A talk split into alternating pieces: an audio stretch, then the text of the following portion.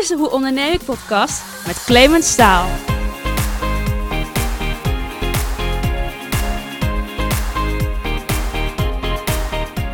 Ja, en welkom bij weer een nieuwe aflevering van de Hoe Onderneem ik podcast. En wat tof dat je luistert.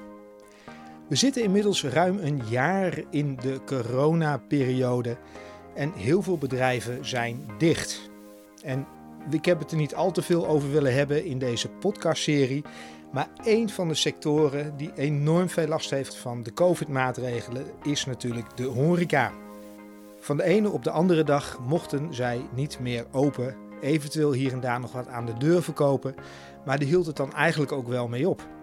En dat betekent dat heel veel van die horeca-ondernemers hebben moeten interen op zaken zoals pensioenvoorzieningen en spaargelden. Vandaag heb ik met horeca-ondernemer Koos Brochard een gesprek over zijn ondernemersreis. Begonnen bij Defensie, uiteindelijk doorgestroomd naar een facilitair bedrijf wat hij heeft opgezet. Vervolgens via zijn kinderen met Scouting Nederland in contact gekomen, daar interim directeur geworden. Om uiteindelijk in 2014 de horeca in te gaan als ondernemer. Op welke manier overleeft hij op dit moment die coronaperiode en hoe kijkt hij aan tegen ondernemerschap? Je hoort het in het gesprek wat ik had met Koos Brochard.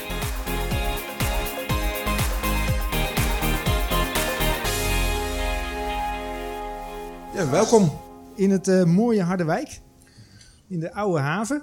Ja. Ik ben erg benieuwd naar jouw uh, ondernemersreis tot op heden. Uh, jouw slash die van, die van jullie, met, met Esther. Hoe gaat het eigenlijk op dit moment in de horeca als, als horeca-ondernemer in deze COVID-periode? Uh, ik zou zeggen, kijk even naar buiten of luister. Uh, ja, het, is, het is daar stormachtig. En uh, ja, stormachtig is eigenlijk ook het afgelopen anderhalf jaar zo'n beetje geweest. Ehm, ja, we mochten open. Dat was niet onze wens, uh, zeg maar, om alleen maar de terrassen open te krijgen. Dat is meer het feit dat de burgemeesters 22.000 boa's zochten om te handhaven in de parken. ja, nu moeten wij het doen op de terrassen. Nou ja, het is de koudste april geweest sinds uh, weet ik hoeveel. Ja. Uh, dus dat uh, biedt geen soela's. En voor de rest zijn we gezond. En dat blijft voor mij altijd het, en voor ons het belangrijkste. wij zijn gezond, de jongens zijn gezond die, en meisjes die werken bij ons. En we doen ons ding, voor zover het kan. En we proberen het maximale eruit te halen als het gaat om creativiteit en ehm, het koken van uh, lekkere dingen om onze gasten toch elke week te blijven zien. Maar ja, vrolijk worden we er niet van. Nee. Uh, en de bankrekening ook niet, zeg maar. Uh, nee, dus, dat kan me voorstellen. Ja. En jij bent, um, als, ik het goed, als ik het goed heb, goed zag, dan zijn de afgelopen jaar een aantal ontwikkelingen geweest waardoor je het ene bedrijf hebt afgestoten, het andere bedrijf hebt gekocht of samengevoegd. Ja. ja. Toen vroeg ik me af, heb je überhaupt wel ook recht op een stuk ondersteuning vanuit de overheid dan? Ja, ja, ja want uiteindelijk uh, hadden we dit bedrijf al 2018 gekocht. Tegelijk dus met Klein Parijs. Dat hebben we twee jaar gedaan. Dus uh, hier zat uh, zeg maar al voldoende jaren in om ervoor te zorgen dat je de ondersteuning kreeg. En die helpt absoluut. de eerste maanden was het echt kloten dat je denkt van... oh, ik krijg geld en ik moet mijn hand ophouden. Ja. Nou, dat gaat wel gauw over. Ja, dat voelt, voelt verkeerd. Maar omdat we Kijk, er zijn een aantal die horeca-ondernemers die gewoon helemaal dicht zijn als keuze. Uh, maar een voorbeeld te noemen, mijn zoon die heeft een kroeg met een dancing. Ja, die is niet zijn keuze om dicht te zijn, maar die kan gewoon niks anders. Hè, ja. Geen terras. Dus dan moet je dat.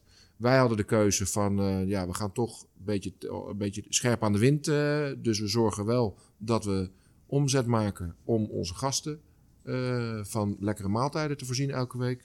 Maar er wel voor te zorgen dat die NOW dan uiteindelijk toch uh, een groot deel van de salarissen gaat betalen. Ja. En ook de TVL, hè, dus de tegemoetkoming vaste lasten, om te zorgen dat de vaste lasten worden betaald. En dat, ja, dat is gewoon een ander soort ondernemen, maar je moet het wel even doen. Want als je het niet goed doet, dan krijg je wat uh, heel veel mensen doen, dat je dus de uitkering weer helemaal terug moet betalen, waar ze niet op hadden gerekend. Ja, daar word je ja. niet gelukkig van. Daar word je niet. Nou ja, kijk, er is geen goedkopere lening, denk ik, dan die van de overheid. Uh, want de regelingen zijn hartstikke super, uh, soepel. Uh, gewoon drie jaar en de rente is volgens mij nul. Dus ja, sommigen zeggen van ja, ja, gewoon maximaal aanvragen, want een goedkopere lening krijg je namelijk niet. Maar dan moet je wel weten dat het een lening is. Ja. En niet Nee, denken nee, van, oh hey, bedankt. Nee, nee, daar moet je wel even over, over nadenken. Ja. Maar ja, dan weet je, wij moeten ook weer, eh, eh, ook voor de komende. Ja, eh, we hebben een aantal klanten die gewoon elke maand behoorlijk wat afnemen. Dat zijn onze buren. Maar ook diensten daar leveren, schoonmaken, lunch en zo. Ja, als je die bij elkaar optelt en je doet dan ook nog een beetje je, of, je, je afhaal. Ja, dan moet je er goed over nadenken van hou tot hier nu eventjes, want anders gaat het niet goed komen. Of beslissen van oké, ik weet eh, dat ik er overheen ga. Sorry, hoe bedoel je? Het gaat Nou, niet goed komen of ik ga nou, het gaat niet goed komen dat je zeg maar te veel omzet maakt om die NOW eh, te krijgen. Ja. Hè, we hadden, eh, nou, laat ik het zo zeggen. Het maakt niet uit of je wel of niet die NOW hebt. Maar als je er wel over na hebt gedacht. Zodat je niet voor de verrassing komt te staan, zeg maar. Ja, eh, dat is dat wel een aparte prikkel. Dus eigenlijk word je ook gestimuleerd bijna om niet te gaan ondernemen. Want Ja, dan ga je nou, dat- over die... Dat vonden wij dus ook. Van eigenlijk is het raar dat er ook mensen niet mogen ondernemen. Niet hoeven te ondernemen. Nee. Want dan ben je die prikkel kwijt. En er zijn er een aantal die zeggen ja. Ik ga er niet voor opstaan. En ik denk van ja, dat is me eer te na. Ik ga in ieder geval doen wat ik kan doen. Eh. Ja, maar heb je op zo'n moment gestaan op een gegeven moment dat je dacht van... hé, hey, dit, dit, als ik nu extra stappen ga zetten, kost me dat zoveel in Ja, ja, ja. dat het oplevert? Nee, ik, moet, ik, ga, ik let wel op dat ik zeg. Nou, nou, laat ik het zo zeggen. Tot nu heb ik eh, zeg maar daar niet op hoeven te letten. Maar voor de komende maand moet ik er wel op letten. En dat betekent dat ik eigenlijk al de keuze heb gemaakt om te zeggen van ja, ik ga gewoon eroverheen. En dan is die NOW eh, zeg maar minder interessant. Oké. Ervan uitgaan dat ik eh 1 juni of 1 juli wel weer een beetje normaal kan Ja. opengaan. Maar goed, de locatie die jij hebt, en het type bedrijf dat jij hebt... is toch wel behoorlijk afhankelijk ook van toerisme? Mm, nee, ik ben eigenlijk niet echt afhankelijk van toerisme, alhoewel ze er natuurlijk wel zijn. Kijk, we zijn natuurlijk wat eh, hoger in de markt restaurant met een heel mooi eh, terras. Dus dat betekent eh, dat naast ons parkeren de mensen die naar Dolfinarium gaan, die lopen ons dan ook allemaal mooi voorbij. En vervolgens zijn er mensen die specifiek voor ons reserveren en komen. En die komen, zeg maar, wij zeggen altijd 25% uit Harderwijk, 25% uit de polder, 25% van de Veluwe. En dan blijft er 25% die met de boot komt, of op de camping, of op een bungalowtje staat, of die ergens in het midden eh, afspreken en dan bij ons zo komen eten. Dus eh, echt toeristen op de boot mensen na, Mhm. eigenlijk heel mee. weinig. Ja. Ja, ja. En dan zijn er natuurlijk een heleboel eh, eh, geluiden over al die, al die regelingen... waarbij eh, bijna 100% vergoed wordt door de overheid. Maar volgens mij is dat in de praktijk toch wel wat anders, of niet? Ja, de overheid kan niet zo heel goed rekenen. En want naar als, zich toe waarschijnlijk. Nee, ik geloof het niet eens. Want ik denk dat, dat alle goede wil van de wereld daar zo wel zit. Alleen dat de kennis, zeg maar, niet helemaal juist is. Hè? Want zij hebben gerekend dat je 85% krijgt eh, van de loonsom. Mhm. Maar dan hebben ze gerekend met 130% eh dat je je premies en zo eh, moet betalen. Nou, dat is eigenlijk 140, 145 procent. Dan heb je je pensioenen nog die eroverheen moet. Dus uiteindelijk zit je op een, een 60 procent of zo wat je dan vergoed krijgt. Wat natuurlijk aardig is. maar dan blijft er nog eh 40 procent over die je wel ergens bij moet schokken.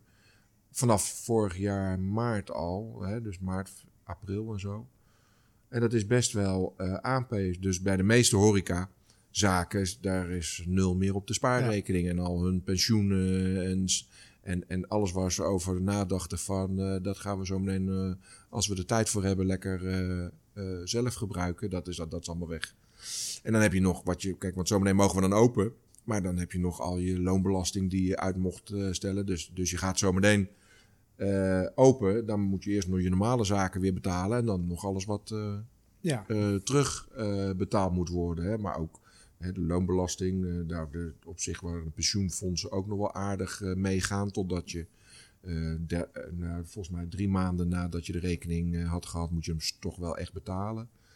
En vervolgens heb je natuurlijk alles wat uitgesteld is door leveranciers, door je verhuurder en zo.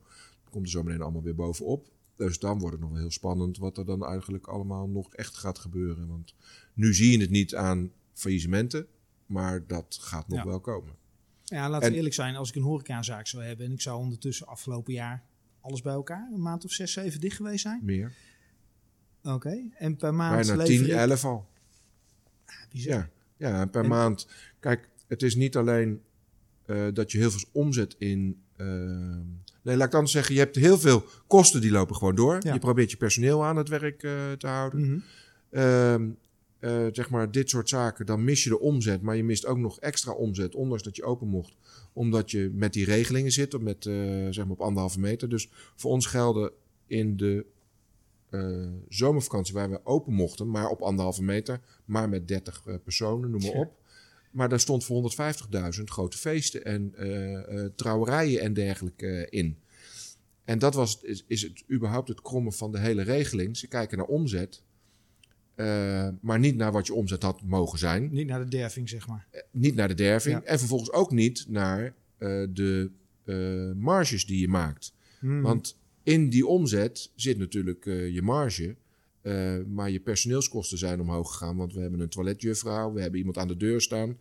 Uh, hè, dus onze personeelskosten in die vier, vijf maanden die we in de zomer over mochten, waren, die waren twee keer zo hoog als wat we normaal hadden. Maar waarom dat staat nergens. toch niet voor om Dicht te gaan. de toko te sluiten?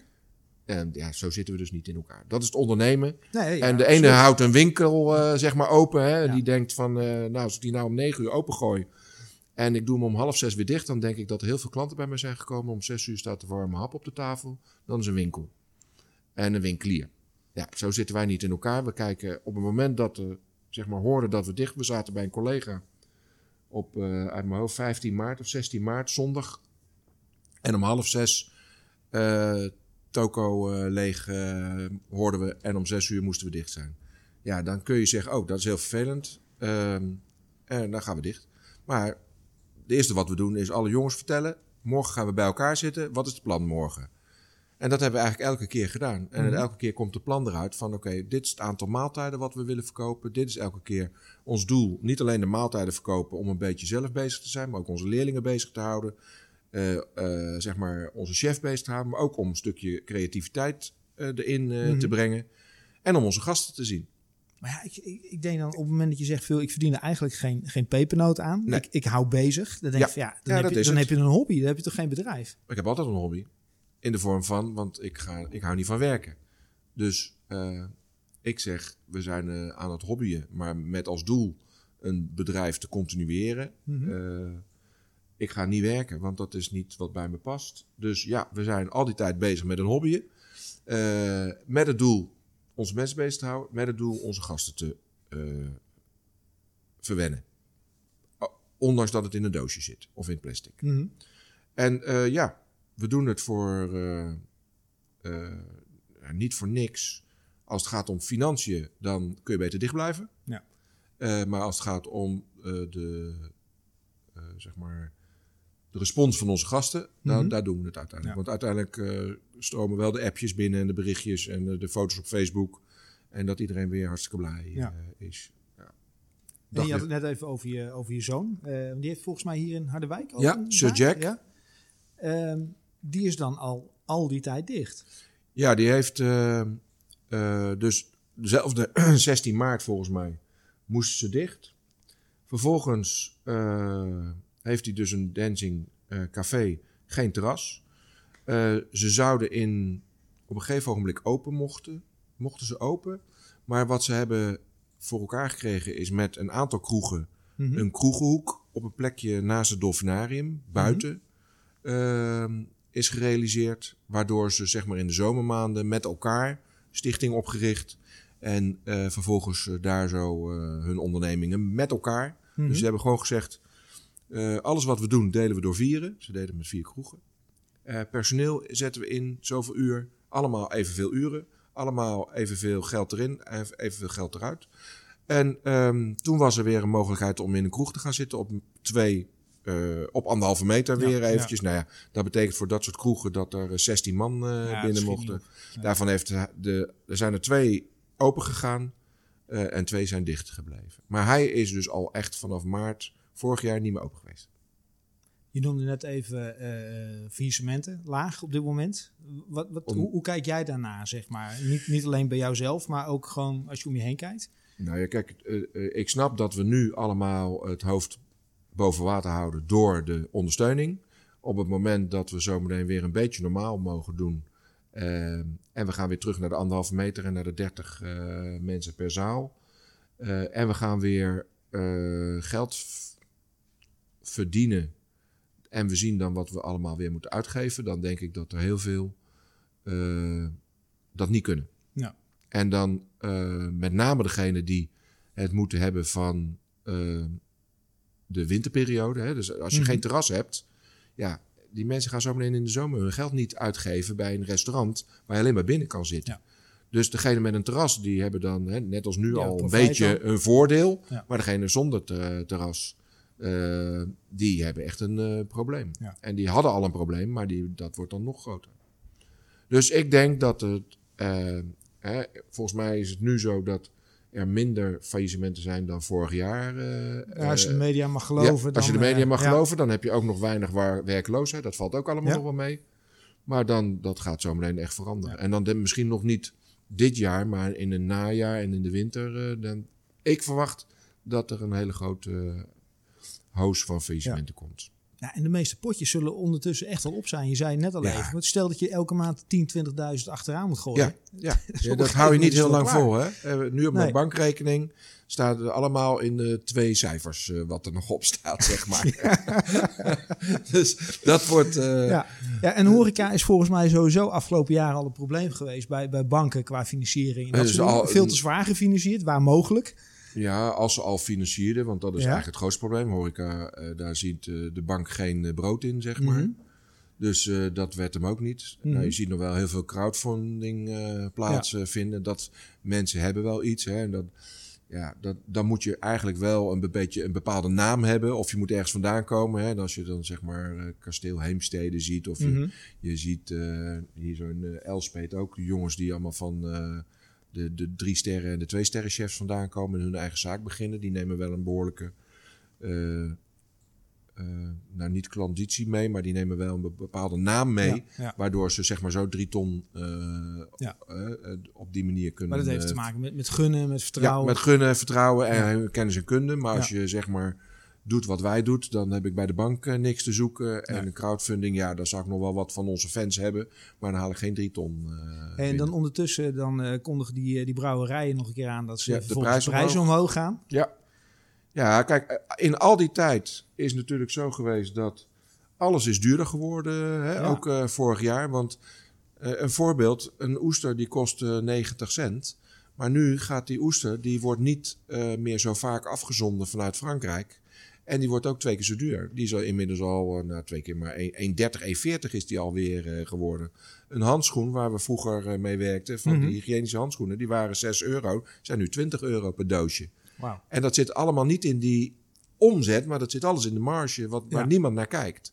En dus dat betekent dat alles wat we inkopen gewoon duurder is. Ah, dat biertje is duurder. De wijn valt aan zich nog wel mee, hè, want er zit ook wel ik noem maar even wat, die wijnboeren zien ook wel dat ze minder wijn, maar uiteindelijk die druiven gaan gewoon door. Dus die moeten dan die wijn kwijt, die wordt wel wat goedkoper. Maar die oester, daarvan zegt hij, nou, die oester blijft nog een jaartje onder water. Maar als je dat zo zegt, en kijk dan even naar komend jaar bijvoorbeeld nog 2021, uh, um, dan is de kans dat je minder afzet is nog heel groot. Ja. Dus in per saldo ga je minder verkopen, ja. minder omzet dus ook draaien. Je zegt veel, uiteindelijk de kosten stijgen. Uh, dat betekent dat je per saldo steeds minder marge hebt. Ja, dat is ook zo. Tenzij je, we hadden het vanmorgen nog over met de jongens die de straat aan het leggen zijn. Die zeggen, uh, ja, wat we zien is dat als we afhalen bij restaurants, dat heel veel restaurants gewoon hun uh, prijs voor gerechten bij de afhaal net zo hoog houden als ja. Uh, de prijs bij het restaurant. En dat is natuurlijk niet reëel, want dan heb je een heel stuk overheid, heb je niet de afwas, de bediening, uh, noem maar op. Hè? Mm -hmm. uh, en wij hebben echt gezegd van, nou we gaan, we halen echt 10 euro van de prijs af. Dus we kunnen, het ook, we kunnen het ook omdraaien door te zeggen van nou, de vraag is wie nou het goed doet. Misschien moeten we ook wat meer vragen voor die prijs. Maar ik ben, blijf altijd eerlijk van dit is wat ik vind dat ik ervoor kan vragen. Waardoor je twee dingen doet. Eén, je houdt je klant of gasten, noemen we ze dat altijd in de horeca, mhm. tevreden. Want het is een goede prijs. Uh, en twee, vind ik dat ook eerlijker en transparanter. Dus dat blijven we doen, denk ik. Dus dat betekent kleinere marge. Ja. Inderdaad. Dat was je vraag. Ja, nee, heel goed. Heel goed. Maar goed, je, je zei al, het is uh, ja, toch ook wel een soort van een hobby. Uh, ja. Los van het ondernemen. Hoe ben je ooit in deze hobby terechtgekomen? Want je komt totaal niet uit de horeca volgens mij. Nee, wil je echt het hele verhaal? Nou, de- de ik maak hem heel kort. 1980 kwam ik uit Den Haag, ging ik in dienst, kwam ik in Harderwijk eh, en Ermelo terecht. Zo Mhm. ben ik deze omgeving terechtgekomen. Ik heb al die tijd ben ik hier terug blijven komen, omdat het een hele leuke stad is voor kroegen, eten en terrassen, et cetera. Mhm. Vervolgens ben ik na dienst eh, in de schoonmaak eh, terecht eh, gekomen. Dat is een Ja, beetje de een tijd franchise ja, van franchise van Kantoklin, Ja. heel goed voor jou. En had ik meerdere vestigingen, Apeldoorn, Utrecht, Lelystad, Almere, Amersfoort. Eentje weer verkocht, eentje weer erbij. Zo zijn we volgens mij, jij en ik, ook elkaar Ja, tegengekomen. je dan, misschien in de of misschien net daarna. Want toen heb ik uiteindelijk hebben we die zaken verkocht. Want de schoonmaak, dat vond ik wel heel leuk om als ondernemer te beginnen. Hè? Want dan kom Ja. ik uit dienst. eh, waarvan ik altijd dacht dat ik ben wel ondernemer in dienst. Want ik had gelukkig zo'n baantje waarvan ik mocht zeggen van nou ik ga linksaf als jullie allemaal rechtsaf gaan. Dat mocht in dienst eh, voor mij. Dus ik was altijd al ondernemer. En toen kreeg ik in één keer inderdaad via de franchise... wat een hele makkelijke manier is, zeg maar... eh, om ondernemer te worden. Mhm. Omdat je toch een bepaalde leidraad hebt. bestaat. precies, en het Ja. concept bestaat. Vervolgens hebben we dat verkocht... eh, omdat we het niet altijd eens zijn met het concept. En vervolgens Je, zei... je zegt we? Je, Nou ja, met de S ook. eh, want Esther? uiteindelijk. Esther werkte Die daar vrouw. ook eh, aan het eind in mee. En toen hebben we een facilitair bedrijf. Dus we zijn we geen schoonmaakbedrijf meer geworden, maar een soort van makelaar Mhm. in die branche. Waarbij je zeg maar allerlei soorten faciliteiten Ja. regelde voor een klant. Ja. Hè, met een gebouw en noem maar op, alles. Maar daarin was je niet zozeer intermediair, maar je, je nam de klus aan, maar vervolgens huurde je mensen in om dat Ja, te regelen. precies. Ja. Dus ik ging niet zelf meer het schoonmaakbedrijf Mhm. zijn, maar ik huurde het schoonmaakbedrijf in en de glazenwasser en de vloer en de groenvoorziener. En de, en, maar ook nog verder met de telecom en ook nog eh, energie en dat soort dingen. Dat deden we dan voor een klant. Eh, wat, wat maakte voor jou dat eh, leuk om te doen? Want als je Eh, zegt, ja, scho- ik be- schoonmaak, over het algemeen, dat is nou niet het eerste waar je aan Nee, denkt. dat is niet het eerste waar ik aan denk, maar dat was wel de advertentie die ik toevallig tegenkwam. En zo ben ik in die schoonmaak, want dat is altijd, ik hou mijn ogen en oren altijd open. En ik zeg ergens ja tegen, redelijk snel. En zo kwam ik dat ik wel die, ik heb altijd wel facilitair inge, eh, instelling gehad, dus ook wel gastvrij. En Mhm. vervolgens eh, dacht ik van ja, maar als zo'n gebouw of zo'n bedrijf nou eh, diensten zoekt, waarom eh, dan allemaal verschillende diensten vragen, terwijl er iemand is die ze allemaal aan elkaar knoopt Ja. om ervoor te zorgen dat jij ontzorgd eh, blijft en dat het wel allemaal goed geregeld is en ook nog fantastisch ja, eruit ziet. Ja, als het gaat om schoonmaken en de groen en noem maar op. Maar ook dat je de goedkoopste energieleverancier had en dat soort dingen. Dat is gewoon leuk om te regelen. En eh, ja, ik ben altijd op zoek naar chaos. Om er dan een beetje orde in eh, te scheppen. Dat is het leukste. En ondertussen eh, doen we dan eh, wat ondernemers eh, helpen met hun acquisitie door middel van BNI. Mhm. Ja, dan doe ik een heel klein beetje doe ik, scouting, mijn hobby, heb ik mijn werk van gemaakt. Terwijl ik eigenlijk zeg dat ik nooit hoef te werken. Dat was het eigenlijk ook niet. Was het bleef hobby, maar ik kreeg er wel voor betaald. Ja, maar je bent al vrij jong bij scouting terechtgekomen? Nee, nee ik ben papa geweest die elke keer zijn kind naar de scouting, in dit geval op waterscouting, op zaterdag wegbracht. En toen erin gezogen werd en vervolgens leiding en eh, admiraal eh, van het hele waterscouting van 14.000 scouts in, eh, in Nederland. En toen directeur scouting Nederland. Ja, je Dus- bent eh, directeur scouting Nederland Ja. geweest ergens in 2010. 2010, 11, 12. Oké. Drie, twee, twee jaar bij elkaar. En ze hebben me nog een keer teruggevraagd. Want ja, ik blijf ondernemer, dus dat past Mhm. wel. Het is een fantastische baan, hè, want je hebt 110.000 eh, vrijwilligers. Je hebt 55 medewerkers eh, die dat spelletje allemaal maken voor die jongens en meisjes. En vervolgens, eh, ja, daar krijg je zoveel energie van. Eh, dus je was gewoon zeven dagen in de week, van 's morgens vroeg tot 's avonds laat, was je ermee bezig. Want als jij met de beroepsmensen allemaal klaar was om vijf uur of zes uur of zeven uur, dan kwamen de vrijwilligers allemaal binnen. En dat deden ze ook op vrijdag en ook op zondag. Want dat vonden ze namelijk leuk. 24-7. Ja, 24-7. eh, dat was, ja, dat waren wat, wat bracht jou dat? Wat maakte dat, eh, dat energie. leuk? energie. En, en wat ik ook met dit bedrijf heb, ehm, een van de redenen waarvoor ik open was, was voor die leerlingen. Mhm. Ik vind niks mooiers als dat mensen ontwikkelen en ehm, iets op een ander niveau elke keer stapjes maken door beter te worden. En eh, beter worden is dat je, zeg maar, ik noem even iets heel simpel. Hier zo staan ze op zaterdag staan ze voor een groepje met eh, eh, jongens van 9 tot eh, 12, noem maar even. Leren ze zeilen. En eh, later worden ze groeps. eh, uh, begeleider. Dan begeleiden ze de leerlingen. Of de, sorry, dan begeleiden ze de, de, de, de vrijwilligers. Mhm. Daarna gaan ze op regionaal niveau. Daarna gaan ze op landelijk niveau. En uiteindelijk regelen allemaal op vrijwillige basis. Acht uur per week minimaal. Daarna regelen ze een feestje voor 10.000 man. Uh, op uh, de pleinen in Roermond. Waarbij de burgemeester zich afvraagt waarom staan er geen dranghekken. Omdat dat niet hoeft, burgemeester, met ons, feestjes. Gewoon 10.000 man, die halen we gewoon door de stad heen, van het eiland en weer terug. En dat is het mooiste. Ja. En daar besteden dan mensen eh, drie jaar aan om zo'n feestje voor 10.000 man. eh. En dat vind ik het mooiste wat er is. Dus van, van het jongetje wat eerst eh, leert zeilen, totdat hij daar zo eh, dat feestje op eh, bijvoorbeeld Roermond eh, geeft. Of eh, maakt niet uit waar. Eh, wat is En het dat- geheim van, van, van scouting in, eh, in jouw ogen? Want, laat, ik- laat ik het anders zeggen, is er afgelopen jaar een ontwikkeling geweest in scouting? Ik heb het gevoel dat het steeds minder is geworden. Nee, je hoort er iets minder over. Ja? Maar ik heb, eh, ik heb toevallig van de week was het bestuur hier eh, weer. Want dat, dat blijven ze dan altijd gezellig doen. En dan zijn het aantal eh, leden weer. Hè, want het was wel aflopend. Dus het Mhm. was ook echt stil. En je zag steeds minder leden. Maar dat hebben ze zeg maar in de afgelopen tien jaar weer om weten te buigen. Dus 110.000 leden zijn weer terug. Hè. Hebben we ooit van gekomen van 125.000. Oké. Maar het geheim is eigenlijk dat je zonder dat die kinderen het in de gaten hebben, Mhm. eh, ze iets bijbrengt Mhm. wat zeg maar eh, steeds verder ontwikkelt en waar uiteindelijk, ja, ik, hoe moet ik het zeggen, je, je krijgt daar uiteindelijk hele sociale, eh, initiatiefrijke en zelfstandige, goede mensen uit. En wat bedoel ik dan? Ik noem maar even Jan Pe- Peter Balkenende, Jeroen van de Veer. Eh, je hebt allemaal mensen die, en dan noem ik nou even bekende namen, maar heel veel mensen hebben een scoutingachtergrond Ja? die echt super gaaf zijn om mee te werken. En die super goed hun werk doen.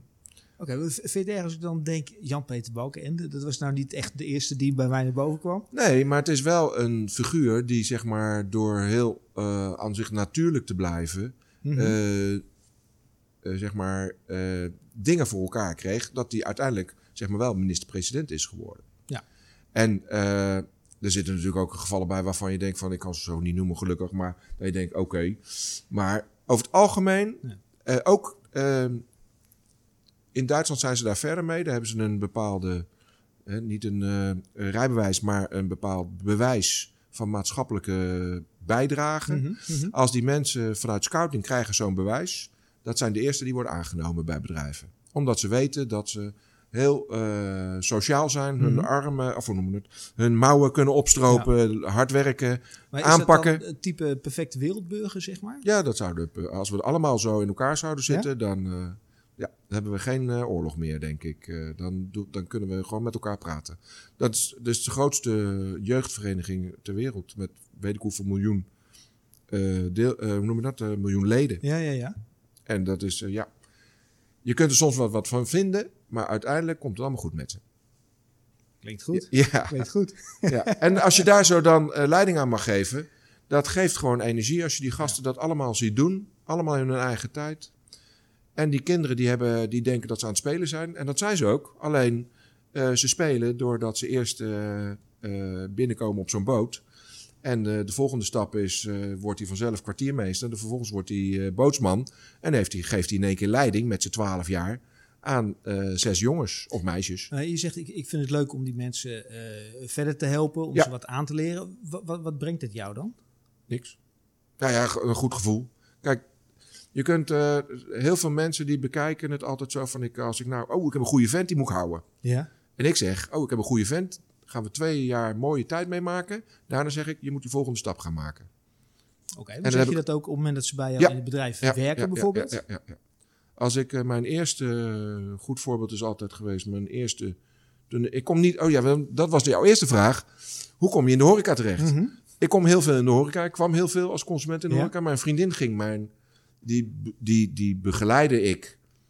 Eh, en die had eh, Klein Parijs eh, gestart in 2011. En we zijn vanaf het begin af aan zijn we daarbij betrokken bij geweest. Mhm. En op een gegeven ogenblik hebben we het voor elkaar gekregen om naar een ander pand en groter te worden.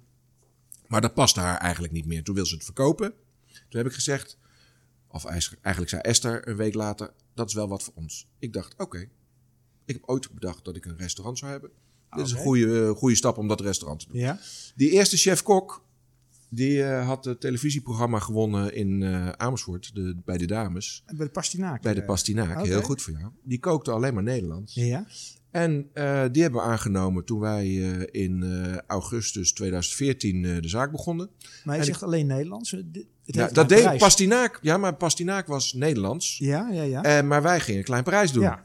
Dus hij- wij hebben hem aangenomen. Maar gezegd, luister, we hebben geen verstand van horeca. Het enige wat ik wil is, ik wil binnen drie jaar de Biep Gourmand hebben. En we zijn een bistro met Franse gerechten. Geen Oké. Hollandse, geen Hollandse Nee, geen Pastinaak hier. Zo.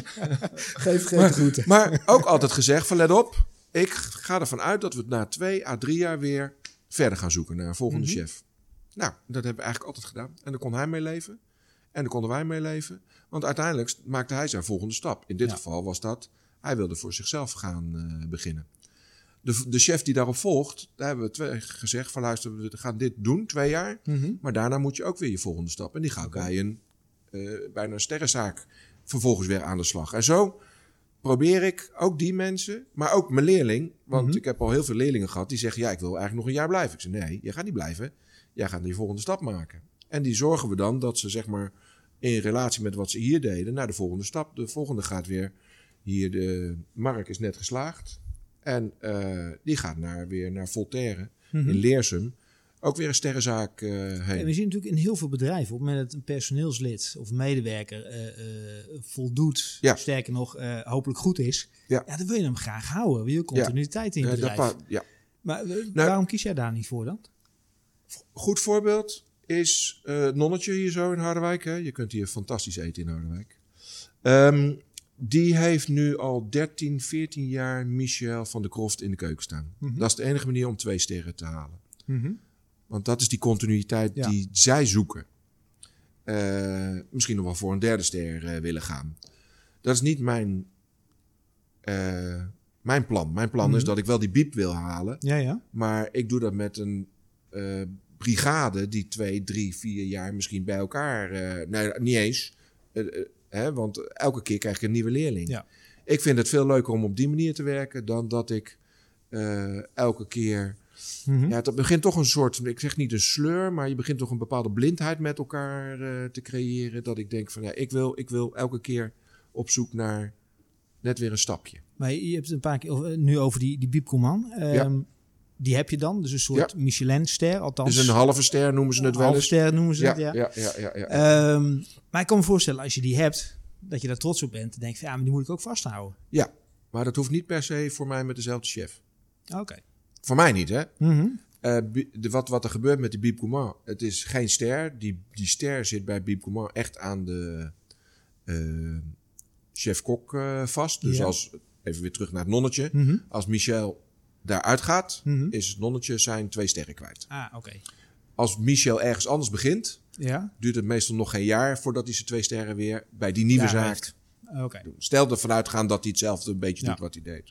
Kijk, bij ons is de Biep Gourmand, dat hebben we nu al twee keer meegemaakt. Die, dat is een halve ster noemen ze dat. Mhm. Ah, dat noemen zij niet zo, maar dat noemt de buitenwereld zo. Ja.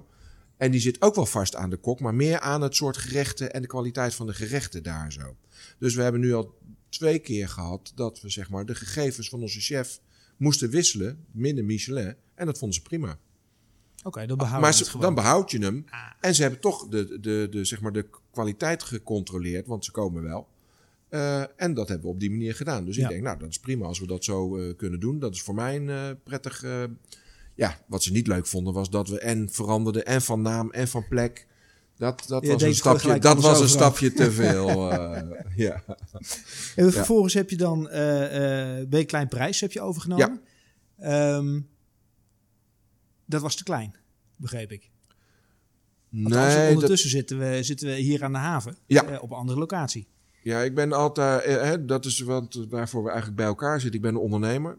Dus dat betekent dat ik vaak verveeld ben als ik al een jaar iets doe. En eh, toen bij Klein Parijs was wel, eh, was wel een mooie reis. Hè? Want eh, ik, ik ben, mag, wij mogen graag uit eten. Dus en lekkere wijnen drinken. Nou, dat was het mooiste. We zeiden als we nou allemaal we hebben gezien wat we bij onze collega's hebben gezien. Dan kunnen wij in ons eigen restaurant Maar zijn het niet vaak de, de, de meest slechte ondernemers die voor de bar zeggen van oh, ik kom zo graag in de kroeg en dan ik wil eigen kroeg. Dat zijn vaak niet Nee, maar, dan, maar kroeg is echt uh, dat, is, dat is een kroegbaas. Ja. En dat is geen ondernemer uh, per definitie. Uh, zo zou je de, want? Wat, nou ja, die, die, die, die, die vinden dat zeg maar, uh, als die biertap maar draait, mm -hmm. even ongeacht wat voor uh, marge je maakt erop, kijken naar de omzet. Die doet net wat de overheid doet, kijk naar de omzet. En die zegt, nou, de omzet is fantastisch. Oké. En ik heb zoveel biertjes uh, getapt. Dat is een kroegbaas. En die kijkt verder niet. Er zijn ook kroegbazen die zeggen van ja, luister, als ik nou dat biertje heb getapt, maar ik kan ook nog een whiskietje erbij verkopen. Of ik ga ook nog een plankje erbij verkopen. Dat zijn de betere, dat zijn meer de ondernemers. Want die, die willen zeg maar voor hun gasten een wat uitgebreider uh, assortiment creëren. Mm -hmm. En wij hadden zoiets van: oké, okay, we hebben die, uh, het restaurant. Kijk, het is niet het eerste wat je bedenkt als ik ga een restaurant openen, dat je denkt: ik word ondernemer. Mm -hmm. uh, je gaat eerst dat restaurant uh, toveren. En dan ga je doelen stellen met elkaar. En vervolgens zeg je: oké, okay, dan moet ook nog de, de boekhouding, de marge en het plan moet kloppen. Dus je, je doelgroepen moeten allemaal dingen en, passen. Vervolgens zeg je: oké, okay, als we dit nu hebben gedaan en dat loopt. Want dat was het eerste twee jaar, was dat het was even zoeken. Maar we hadden fantastische uh, gastvrouwen. We hadden de keuken op orde. Dus ik snapte die. Uh, nee, ik snapte, maar ik wist ook wel dat we die biep gaan halen. Mm -hmm. Maar ja, dan zit je in je restaurant en dan heb je 46 stoelen. En dan denk je: oké, okay, wat nu? En dan zie je dat het pand leeg staat naast je. En dan zeg je: oké, okay, dat pand dat trekken we erbij. Dat uh, is een driejarig uh, plan uh, geworden, wat uiteindelijk niet tot uitvoering is gekomen door allerlei redenen. -hmm. Niet, dat wil ik er meteen bij zeggen, niet vanwege de vergunning of de gemeente, maar met name van de eigenaren van die panden. Ja, Want de gemeente, de gemeente ja, ergens. ja, voor dwars gaat liggen. Ja, nou, dat was in dit geval absoluut niet zo. Het waren de verhuurders en de, de pand ging weer over naar een nieuwe, of, ja, nieuwe eigenaren, et cetera. Mm -hmm. en dit kwam in één keer voorbij. En uh, in vijf minuten heb ik besloten dat ik dit ging kopen. Toen ik met de eigenaresse... Je zegt dit? Vertel even, ja. wat is dit? Ja, dit is... Kijk, in de stad hadden we een hele mooie bistro. Dat paste ook feilloos, maar het zat in de stad. Mm -hmm. En in de stad uh, gebeurde links... wil iedereen zitten, toch? Mm, ja, maar niet als je een bistro met een bepaalde niveau wilt hebben. Mm -hmm. Want dan zitten je gasten namelijk niet in de stad. Die komen omdat ze weten dat je er zit op basis van de reserveringen en zo. En niet omdat ze langslopen. Duidelijk. Hè, misschien dat. Uh, er, loopt natuurlijk wel wat, er loopt natuurlijk wel wat binnen. Ja. Maar op een gegeven ogenblik zit je daar ook uh, in de drukte van de stad. Mm -hmm. En uh, dat betekent dat voor je deur liepen mensen in bikini, want het was, was fantastisch mooi zomers. de boulevard aan de ene kant en de markt aan de andere kant. En mensen liepen daar zo rond. En op de markt mochten ze eerst zes feestjes uh, per jaar vieren in de zomer. Net als jij je deuren open had. En dat ging naar twaalf feestjes in de zomer. Met, net als jij je deuren open wilde hebben. Met als gevolg dat alle herrie en gedoe uh, voor je deur uh, plaatsvond. Terwijl jij eigenlijk dacht van ja, maar die mensen moeten rustig eten met onze muziek en noem maar op. Maar dat ging gewoon niet ja, meer. Ja. Dus weg bij de stad dit had ik al in 2018 gekocht, omdat het een fantastische mooie plek is. Ja, wat is dit een fantastische mooie plek? Dit is het historisch havenkwartier. Mm -hmm. Naast de molen? Naast de molen, naast de botterloods, naast de visafslag. Uh, met een fantastisch terras en een uitzicht over de haven, de oude haven, de oude vissershaven. Um, wat we in de stad niet hadden was een terras, mm -hmm. want we zaten in een zijstraatje. Um, ja, hier heb ik, uh, als ik uh, me helemaal mag uitvoeren, dan heb ik zomaar 100 stoelen.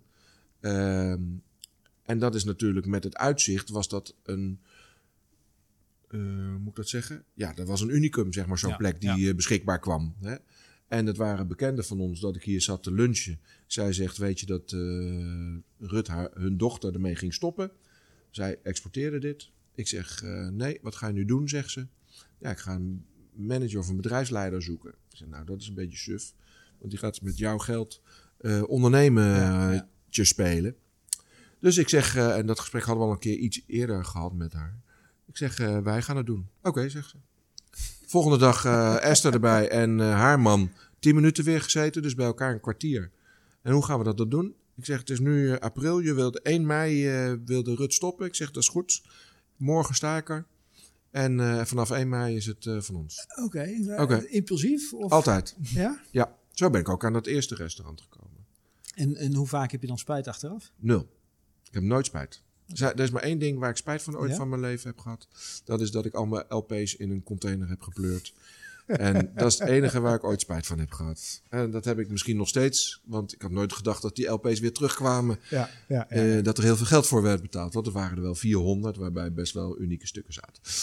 Van het ondernemen kan ik heuguit zeggen, nou, dat was niet altijd even handig of dit. Uh, maar dan heb ik het wel gedaan. Want dat is wat ik uiteindelijk. kan je een koe in de kop Precies, kijken. Ja. En uh, ja, je doet het. Ja, en dan zit je hier zo. En dan uh, is dit feestenpartijen. Hè. We hebben mm -hmm. aan de haven hebben we een mooie rondvaartboot. We hebben vier sloepen hadden we toen liggen. we hebben met de molen, met de visafslag. maar ook met iemand die fietsen verhuurt. Weet je, we doen allerlei activiteiten hier. Mm -hmm. Tot en met ceremonie voor bruiloften. En uh, ik merk, en da, dat was dus in 2018, uh, deden we overdag, deed ik het hier zo. En daarna ging ik om half zes ging naar Klein Parijs, daar ging ik de avond door draaien. En ik vond het fantastisch, gewoon lekker bezig zijn. Alleen ik merkte dat ik vond al die evenementen, dat was niet echt mijn ding. Dus we hadden ook echt iemand in dienst om die vorm te geven. Mm -hmm. En mhm. ik was dan de gastheer.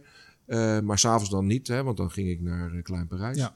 Maar het, was nooit, het werd nooit mijn ding. En het was chaos. Uh, maar niet op de manier dat ik chaos wil. Maar omdat je, het allemaal door elkaar. Dus je, je wil ook aan je bedrijf, niet zozeer in je bedrijf misschien nee. werken. Dus prima ja. toch dat iemand anders het doet. Nee, dat, zo, maar zo zit ik dan weer niet in elkaar. Want als het niet. Ik ben niet de ondernemer op afstand. En dat ik een restaurant heb, dat doe ik niet omdat ik het leuk vind om een restaurant te hebben. Maar ik vind het leuk om aan tafel uh, de mensen het naar het zin te maken. Dus okay. ik ben dan de ondernemer die ook tegelijk onze, de gast echt op de vloer. Ja. De keren dat ik niet aanwezig ben geweest is echt heel minimaal. Um, dus ik zat hier zo met een hele mooie locatie, maar ik deed eigenlijk niet de dingen die ik leuk vond. En toen kwam uh, 2019, ik werd steeds niet vrolijker van de markt. Mm -hmm. Dus uh, in, ik had besloten met de kerst dat ik zei van ik ga stoppen met Klein Parijs. En dat is 1 februari 2020. En uh, dat heb ik ook gedaan. Net op tijd voor de corona. Want uh, dat betekende gelukkig dat ik niet twee zaken had hmm. die dicht moesten. En ik heb gezegd, 1 februari gaan we op de plek wat we toen Voluvia noemden. Mm -hmm. Gaan we het restaurant draaien. Dus het was echt 31 januari, laatste avond gevierd daar zo. Ja. Allemaal vaste gasten, allemaal oude medewerkers. Ja. nog gewoon gedraaid met een menu. En uh, nog een feestje gevierd. Ja. En op uh, eh, 1 februari uh, eh, 2020, hetzelfde menu, ander restaurant, andere, andere keuken, andere mensen. Hier zo weer gedraaid. Dat was wel even een dingetje. Iedereen vond het wat. Ik zeg, nou, dat is toch niks moeilijks aan. Je moet gewoon een paar gerechten naar boven sjouwen. nou, en dat hebben we ook gedaan. Okay. En ja, dat hebben we anderhalf jaar, anderhalve maand gedaan. En toen was het in één keer coronatijd. Toen was het sloes. Ja. En in die tijd heb ik echt bedacht van, uh, oké, okay, wat wil ik nou zometeen? Mm -hmm. uh, ik zei net al, de anderhalve ton aan feestjes zijn er gewoon uitgegaan. En we hebben wel het restaurant gedraaid. Dus er was wel omzet, maar het had veel hoger mogen zijn. Ja, ja. Maar ik vond het eigenlijk helemaal niet erg. Dat ik alleen maar restaurant draaide en niet uh, die feestjes partijen meer had. Nou ja, dat betekent dus, dat het water niet aan je lippen stond, staat. Als je zegt, ik vind het niet erg. Ja, maar ik, ik vind het geld nooit zo interessant. Mm -hmm. Dus daar, kan, daar, heb ik geen slapeloze nachten van. Oké. Okay. Um, ik miste die omzet niet uh, financieel, omdat we toch doordraaiden. Mm -hmm. um, vervolgens dacht ik van ja, maar ik vind dat restaurant spelen alleen wel leuk. Met als gevolg dat we daaruit hebben besloten dat we echt uh, naar dat restaurant uh, gingen focussen. En dat we een oplossing hebben gevonden voor uh, de activiteiten, hè, de huur van de boten, de rondvaarten, de evenementen die we kunnen houden hier zo, uh, waarbij meestal ergens iets met de stad of een rond, mm -hmm. uh, nou, je kunt het zelf bedenken met een stadsgidsen of met uh, fietsen. Ja, het is natuurlijk een historische binnenstad ja. wat dat ja, betreft. Ja, is het aan het water, je kan alle kanten op. Je kan alle kanten op. En dan kom ik even terug op jou. Dat is meestal geen toeristische mensen die dat soort evenementen okay. Bijna allemaal mensen uit de regio. Wat grappig. Maar ja, wat, dat is heel grappig. dan dat ze dat toch hier willen? Ja, omdat ze dan zeg maar zelf wel in Harderwijk wonen, maar hun familieleden en zo, ah. of zakelijk willen laten zien hoe Harderwijk ja. in de war steekt. Oké. Okay. Uh, dus we hebben nu iemand, we hebben een gebouw aan uh, laten bouwen. Eh, vervolgens is dat de kaartverkoop en de locatie waar Mhm. de evenementen starten. We hebben iemand aangenomen die dat faciliteert en ook de gastvrouw, Mhm. gastheer is. En eh, dan gaat het buiten het restaurant om. Dus dan doen we NN, eh, waarbij ik er minder omkijken naar heb. En zo eh, zitten we in 2021. En staat het eigenlijk allemaal? Nou, nu is het eigenlijk nog wachten op het start zijn. Wat maakt, eh even uitgaande dat je jezelf redelijk succesvol vindt hierin, wat, wat maakt dat dat succesvol is? Want ik hoorde jou net ook al even aangeven, ja goed, ik keek naar mijn marge bij, eh, bij Kleinprijs, ik keek naar mijn marge, ik keek naar mijn doelgroep. Ja. Ehm, doen de meeste ondernemers dat in de horeca, denk je? Zijn ze Nee, er zo mee bezig dat ze precies weten, Ik- veel, ze, ze varen het als ondernemer, varen ze het aan? Ik denk dat er. eh, we hadden het net al even over die kroegbaas. Hè? Mhm. Dat, is, dat is echt de kastelein. Die de kastelein is, eh, zo zijn Ja. er een aantal. En zo heb je ook bij de restaurants er een aantal die er niet zo naar kijken. eh, die het ook niet zo interessant vinden. Als er maar geld in die kassa eh, komt. Hè, of het op de gelukzoekers of mensen Nee, die dat zijn denken, geen. Nee, nee, nee, dat zijn helemaal geen. Die, die, die kunnen prima leven op die manier. Oké. En ehm, eh, je merkt dat ook aan eh, de manier van communiceren. Hè? We, Mhm. jij en ik zijn een beetje van de, van de commerciële en noem maar op. Hè? Maar ook weten dat als ik vandaag een vraag aan jou stel, dat ik morgen dat antwoord heb. Hè? Ja. Nou, heel veel com- eh, eh, horeca mensen hebben dat niet. Die beantwoorden überhaupt die mail niet. dus ik denk, hoe zit dat met je managementvaardigheden als je dat nou niet voor elkaar krijgt, maar ook je personeel dat niet vraagt? Dan, dat, ja, ik ga dat nooit snappen. En ik denk, ik, ik weet niet meer even een goed voorbeeld, maar dat sommige bedrijven daardoor nog bestaan, vind ik echt heel spannend. Ja. Maar dat komt ook omdat sommige bedrijven, die hoeven daar niet over na te denken, want die zitten op een zo'n mooie locatie. Daar komen de Het mensen, maakt niet eens uit wat Ja. voor kwaliteit ze Ja. leveren. Die, die, die blijven gewoon, Mhm. eh, eh, hoe noemen we dat, die gasten ontvangen. Ja. Of die ik moet eigenlijk andersom zeggen, die gasten blijven komen. Ja, oké. Maakt niet uit wat je ze voorzet. Ze hoeft er niks te doen. Nee. En ja, en dan zijn er, ik weet ook heel veel ondernemers die wel zeg maar de onderne of eh, zeg maar horeca ondernemers echt ondernemen en die kopen de ene zaak naar de Ik andere wil zaak. zeggen, En- dat zijn vaak de ondernemers die op een gegeven Ja. moment veel meer Ja. een half Ja. imperium aan het opbouwen zijn. Kijk, weet je, ik ken een ondernemer die heeft, eh, zit al 25 jaar op dezelfde plek. Ja. De interieur is nooit veranderd. De, de wijnkaart verandert eigenlijk nauwelijks. En hij gaat elke dag fluitend naar zijn werk. Hij gaat van zijn slipper, stapt hij in zijn schoenen. En, eh en s'avonds doet hij het omgekeerde. En hij sluit de tent weer. Maar hij zegt, ik ken een ondernemer. Eh, Vind je dat wel een ondernemer dan? Nee, dat is dan geen ondernemer. Hij is wel een restauranthouder. Dus Ja. die eigenlijk is hij de winkelier. uitbater. Ja, uit Bater. dat is wel een goede, eh, ja. ja. Maar ik heb ook respect voor dat hij dat 25 jaar volhoudt. Want ik zou dat niet kunnen namelijk. Nee, goed, er Nee. zijn natuurlijk zat mensen die gewoon hun boterham willen verdienen. En als ze dat op deze manier kunnen, Ja, ja. is ook zo. dan, eh, dan prima. En hij vindt eigenlijk, eh, hij heeft ook niks gedaan, zeg maar, in de coronatijd. Want hij denkt, ja, nou, had hij, Ja, zijn boterham had hij waarschijnlijk zijn boterham steeds. heeft hij al, Ja, omdat het ja. pand van hemzelf is, geen hypotheek, weet je wel. Zijn Ja. vrouw werkt er ook nog gewoon. Dan is het, dat maakt het allemaal wel logischer dat hij er zo in staat. Mhm. En, eh, maar de, an- de andere is weer, zeg maar, dat, je, dat eh, een ondernemer al 21 jaar een zaak heeft. Eh, en nog elke dag gaat voor, eh, voor die derde ster, zeg maar. Ondanks Ja. dat hij er al twee heeft. 19 jaar, hè? En dan 12, 13 jaar met de huidige dingen. Maar elke dag weer ervoor wil gaan om die derde ster binnen te halen. En dan koopt hij het pand of hij doet dit of weet je wel. Dus, dus die is er elke dag mee bezig. Dat is ook fantastisch. En je zegt eh 12 jaar, 19 jaar. Hoe, hoe, hoe ziet dat voor jou eruit de komende jaren? Nee, dat is een, dat is een, dat is een onmogelijke vraag. Oké, Want- want? Wat ik net al zei, ik kijk om me heen, ik luister en daar reageer ik op. Oké, maar er komt er morgen iets langs en dat, eh, dat glimt. En er dan komt, denk je eh, van, er komen, af en toe komen er dingen langs waarvan ik zeg, nou, dat gesprek moeten we maar eens een keer hebben. Oké, en waarom Ja. heb je het dan nu niet gedaan op dit moment? Ehm, omdat eh, in dit geval zij zeiden van we willen eigenlijk nog een jaar door met wat we nu aan het doen zijn. Mhm. Eh, maar ik heb wel mijn oog erop dat ik denk van ja, Oké, en dan erbij om uit te bouwen. dat weet niemand. Oké. dat weet ik ook niet. Ehm, Waar, hangt dat voor af voor jou? Ik bedoel, Nou, dat is- hangt- Stap je telkens op iets nieuws of komt er iets bij? nee, de ene keer is het iets nieuws en de andere keer komt er iets bij. Dat, dat, er zit geen, eh, Geen logica in. geen logica in, nee. Het is, eh, kijk, als er nou weer op een hele mooie locatie iets vrijkomt wat, eh, wat, wat mijn aandacht heeft, dan denk Mhm. ik, ja, waarom niet? En ehm, Maar bouw je dan tussentijds wel iets op wat, waarop je je stempel kan drukken? Wat je, wat je maar ook ik hoef niet zo nodig mijn stempel te drukken. Hè? Het is, het is, ik heb een doel. Ja, maar het doel is niet Nou, geld, doel is de- geld verdienen. Nee, het doel is niet geld verdienen. Klanten, of in ieder geval Ja, gasten, naar het zin gasten eh, naar het zin maken en ik wil de biepkomaal hebben. Nou, het is eigenlijk heel simpel. Ja. Maar dan toch niet hier misschien. Maar dan toch Nee, ik zeg niet dat het niet hier is. Ik, ik, zie iets en ik denk, nou, waarom niet? En eh, het zou zomaar kunnen zijn dat je zegt van nou, we, la- we- we laten dit en blijven met dezelfde doelstelling. En diezelfde doelstelling leg ik daar ook weer neer. Omdat ik vind dat die plek dat nodig heeft. Wat zie jij als grootste uitdaging in de in horeca? Wat is jou misschien tegengevallen de afgelopen jaren sinds je in de horeca zit? Me tegengevallen? Oh.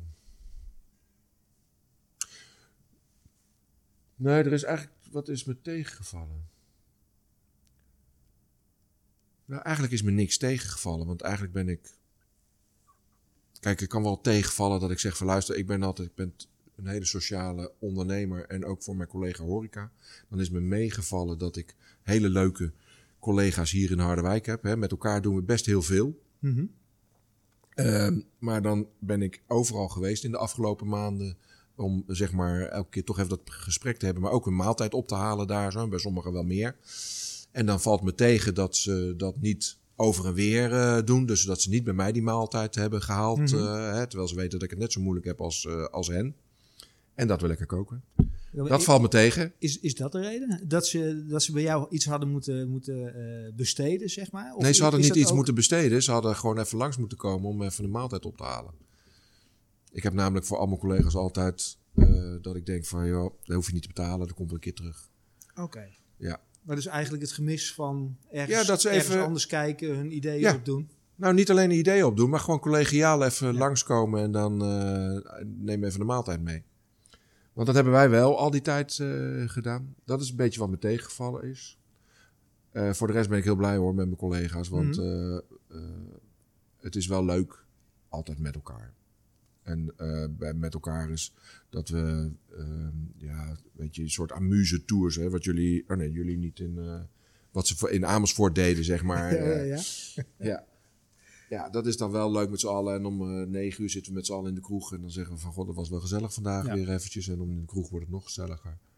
En we kennen elkaar ook allemaal. En we, we gunnen elkaar ook altijd, eh, zeg maar, onze leerlingen. Van, Mhm. als ik hier zo een leerling heb gehad, dan gaat hij daar naartoe. En als daar zo, dan neem ik hem weer. Weet je, zo, dat doen we ook allemaal. We hebben hier ook echt altijd heel leuk een Harderwijk Horeca Academie eh, opgericht. Om ervoor te zorgen dat al onze leerlingen hier blijven. Dus was, was niet echt een school. Mhm. Maar was wel iets waar we allemaal workshops gaven, gewoon voor niks.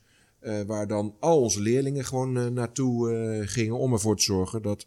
Ja, je ziet dat die leerlingen allemaal heel ver weg gaan om sterren te doen. Maar wij zeggen, ja, weet je, je begint hier in de cafetaria, daarna bij Van der Valk... en daarna ga je de boterlab lopen runnen. En daarna pak je de volgende stap en dan kom je bij mij... en daarna ga je naar een sterrenzaak, Ja, weet je wel. Zo proberen we die, Ja. die horeca mensen, die leerlingen hier zo te houden. Maar di- dit was nog helemaal het antwoord op de vraag van, joh, wat heb je nou geleerd? Of wat is je tegengevallen? Nee, eh, mijn tegengeval is dat mijn collega's niet hier Ja. zo eh, komen eten. En eh, wat heb ik geleerd? Ik, heb, ik heb heel veel geleerd natuurlijk, maar wat ik niet zomaar kan benoemen. want ik leer elke dag. Dat heb ik altijd al zo gedaan. Ik ga nooit stilstaan, denken van nou, nu weet ik alles.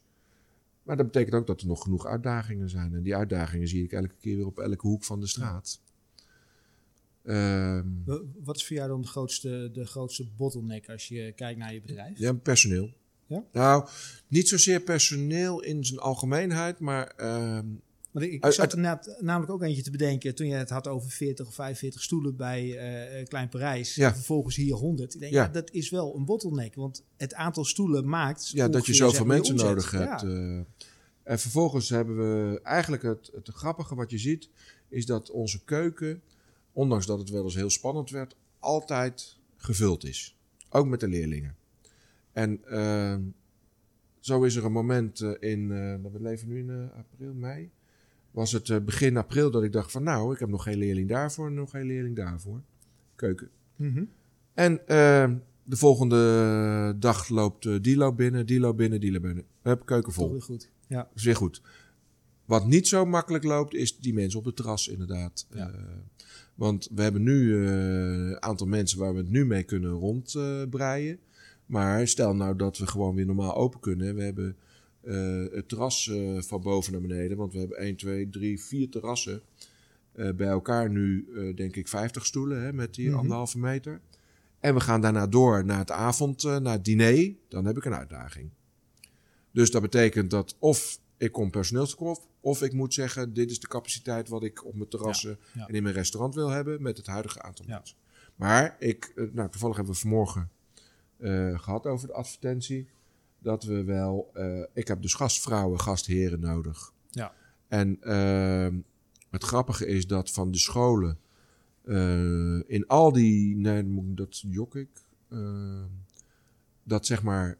Keukenpersoneel makkelijker vanuit de school deze kant uit komt. dan dat er van een bedienend personeel komen. Oké, okay, waarom is dat? Enig ja, idee? dat is. Nee, ik heb geen idee. In de vorm van. ehm, we hebben nu uh, een aantal keren mensen gehad van de BOL-opleiding, de Mhm. bollers. Dus voltijdopleiding. Ja, Ja. ja. en dan, eh, dat gaat over het algemeen niet heel goed. Dan, dat, zijn- dat is toch een bepaald slag wat op de een of andere manier heel gemakkelijk bedenkt van... oké, als ik dan toch iets moet doen, dan ga ik maar de horeca in. Dat is lekker Mhm, makkelijk. mhm. En ik vraag altijd van wat is je ambitie? Want, en dat, vraag ik, dat kan ik aan willekeurig iemand vragen. En dan hoeft hij ook nog geen verstand van te hebben. Mhm. Maar die ambitie is voor mij belangrijker dan het feit dat hij Ja. op die opleiding zit. En daar krijg ik ook elke keer gelijk in. Oké, dus best lastig om die uit te spreken voor mensen. Ja, dat is, dat is best lastig. Maar als jij zegt van nou, ik, ik vind het eh, leuk eh, omdat ik denk dat ik de gasten leuk eh vind vermaken. Maar eigenlijk wil ik daarna naar de psychologie, noem maar wat. Dan, wo- dan ga je niet bij mij werken. Want dan denk ik, ja, dat is leuk, maar daar ga ik niet in investeren. Want dan, Ja. dan doe ik het voor niks. Maar ja, je weet dat mensen daar een paar jaar toch weg zijn. Nee, na een jaar. De leerlingen zelfs Ja, een jaar. Dus ik weet dat. Maar dan nog vind ik dat jaar, dan vind ik weer zonde. Dat als ik weet dat je niet, eh, niet verder daarin wil, dan, ga ik er geen tijd aan. Als iemand tegen mij zegt, ja, ik wil eigenlijk liever de dienst in. Mhm. Nou, prima, ga jij lekker de dienst in. Maar dan niet bij mij een jaar eh, dit doen. Maar eh, voor de dames aan- en heren aan de voorkant is dat moeilijker gebleken om zeg maar echt te denken van... Dat hoor je ook heel weinig. Ik heb Mhm. maar één iemand die zeg maar meester gastheer is geworden vanuit zijn opleiding. Ja. En voor de rest echt. Maar ik heb begrepen in de media dat het volgens mij op dit moment het wel een landelijke tendens is. Ja, ja, dat ja. eh, eh, het bedienend personeel terras, dat het op dit moment erg lastig is. Ook gezien het feit natuurlijk dat eh, de afgelopen tijden natuurlijk geen, geen werk voor hun was. Nee, dus en zij de eerste waren natuurlijk die, Die eruit gingen. die eruit gingen. Wij hebben nog wel aan de voorkant een leerling gehad. Die moest fulltime. Die moest dan... even nadenken. Een moest leerling iets- die- is een BBL'er. eh Ja, maar dit was weer een hele ander eh, soort. Zij was die meewerkend eh, ondernemerschap. ja. Eh, MBO, niveau 3. Eh, die moest 30 weken. Mhm. Dat is, eh, was, was voor mij weer helemaal nieuw. Ja. 30 weken, iets van eh, augustus of september tot half januari. Dan was het klaar. Nou, die heeft dan wel die half, tot half januari gemaakt. Dus ze heeft Mhm. ook, eh, ze is ook gewoon geslaagd. Eh, maar dat was, dat was de, de, de laatste die we zeg maar, gehoord en gezien hebben. Ja. eh, als het gaat om eh, gastvrouw of gastheer. En voor de rest, eh, ja, we gaan nu de advertentie. eh, Esther is nu aan het typen. Want ja, ik moet toch wel iets, Ja. wil ik zeg maar, maximale capaciteit van wat ik mag eh, kunnen benutten, zeg maar. Dus het personeel is wel een, een bottleneck. W- Wat is een eh, tip die jij aan, of misschien drie tips die jij aan andere ondernemers kan, eh, kan meegeven? Als het gaat om personeel. Nou, eh, over ondernemerschap. Het zij horeca gerelateerd. Het zij misschien iets waar iemand in een andere branche ook wat aan heeft. Nee, volgens mij hadden wij, voordat we hier live gingen, het gesprek van dat een ondernemer natuurlijk niet op school wordt gemaakt. Mhm. Een ondernemer is, eh, dat zou mijn tip ook zijn, iets wat, iets wat je gaat doen waar je hart ligt. Niet waar je goed in bent per se, Mhm. maar waar je hart ligt. Ik ben, Ik kom niet uit de horeca, maar mijn hart ligt er wel. En ik wil die gasten naar de zin maken. Ja. Dat wil niet zeggen meteen dat je een goede ondernemer bent. Maar ik ga wel iets doen waar ik echt wat voor... je kan volhouden. Ja, wat ik lang kan volhouden. En waar ik 150% inzet voor wil uh, plegen. Dus dat is één. Je leert het niet op school. Maar je moet iets doen wat echt heel dicht bij jezelf ligt. Mm -hmm. uh, dan zeg maar moet je het financiële deel niet zo interessant uh, vinden. Want dan zijn er echt andere uh, soorten van ondernemingen waar je, waar je meer geld gaat verdienen dan in de horeca. Ja, oké. Okay. Dus financiën niet interessant, nee, maar nee. wel ken je cijfers. Ja, wel ken je cijfers. Want als je dat niet doet, dan... Uh, ik weet nog dat mijn eerste keer dat ik een bedrijf had vanuit de franchise... dat ik dacht van nou, ik keek er ook naar die omzet. Maar toen we eindelijk middelen hadden om zeg maar naar de cijfertjes en de marges te kijken. Toen bleef er iets anders toen bleef het, ja, ja, maar dat is heel lullig. Dus dat was een hele goede ja, les. Ja, ja. Okay, zeg maar. maar. doe het niet om het geld, zeg maar. Nee, doe het niet om het geld, denk maar let wel goed op het geld. eh, en je marges en je inkoop en je uren, et cetera. Dat, zou, dat is echt, eh, maar dat geldt niet alleen voor horeca, maar dat is, dat is voor alles, eh, zeg maar, als je als ondernemer wilt starten. Maar het Nog belangrijkste, een, eh, derde, dicht bij derde uit, uitsmijten? Derde uitsmijter zou zijn: ehm, het maakt ook niet uit wanneer je onderneemt. En daar bedoel ik mee: er zitten geen begin- en eindtijden aan.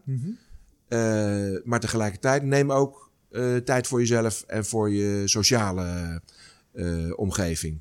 Toen ik mijn, eh, nou dat duurde wel een jaar, mijn eerste eh, bedrijf eh, had. Toen op, op enig moment dacht ik van ja, hier kan ik heel lang mee doorgaan. In de vorm van hoeveel uren indraaien, maar ik ga op vrijdag niet meer werken.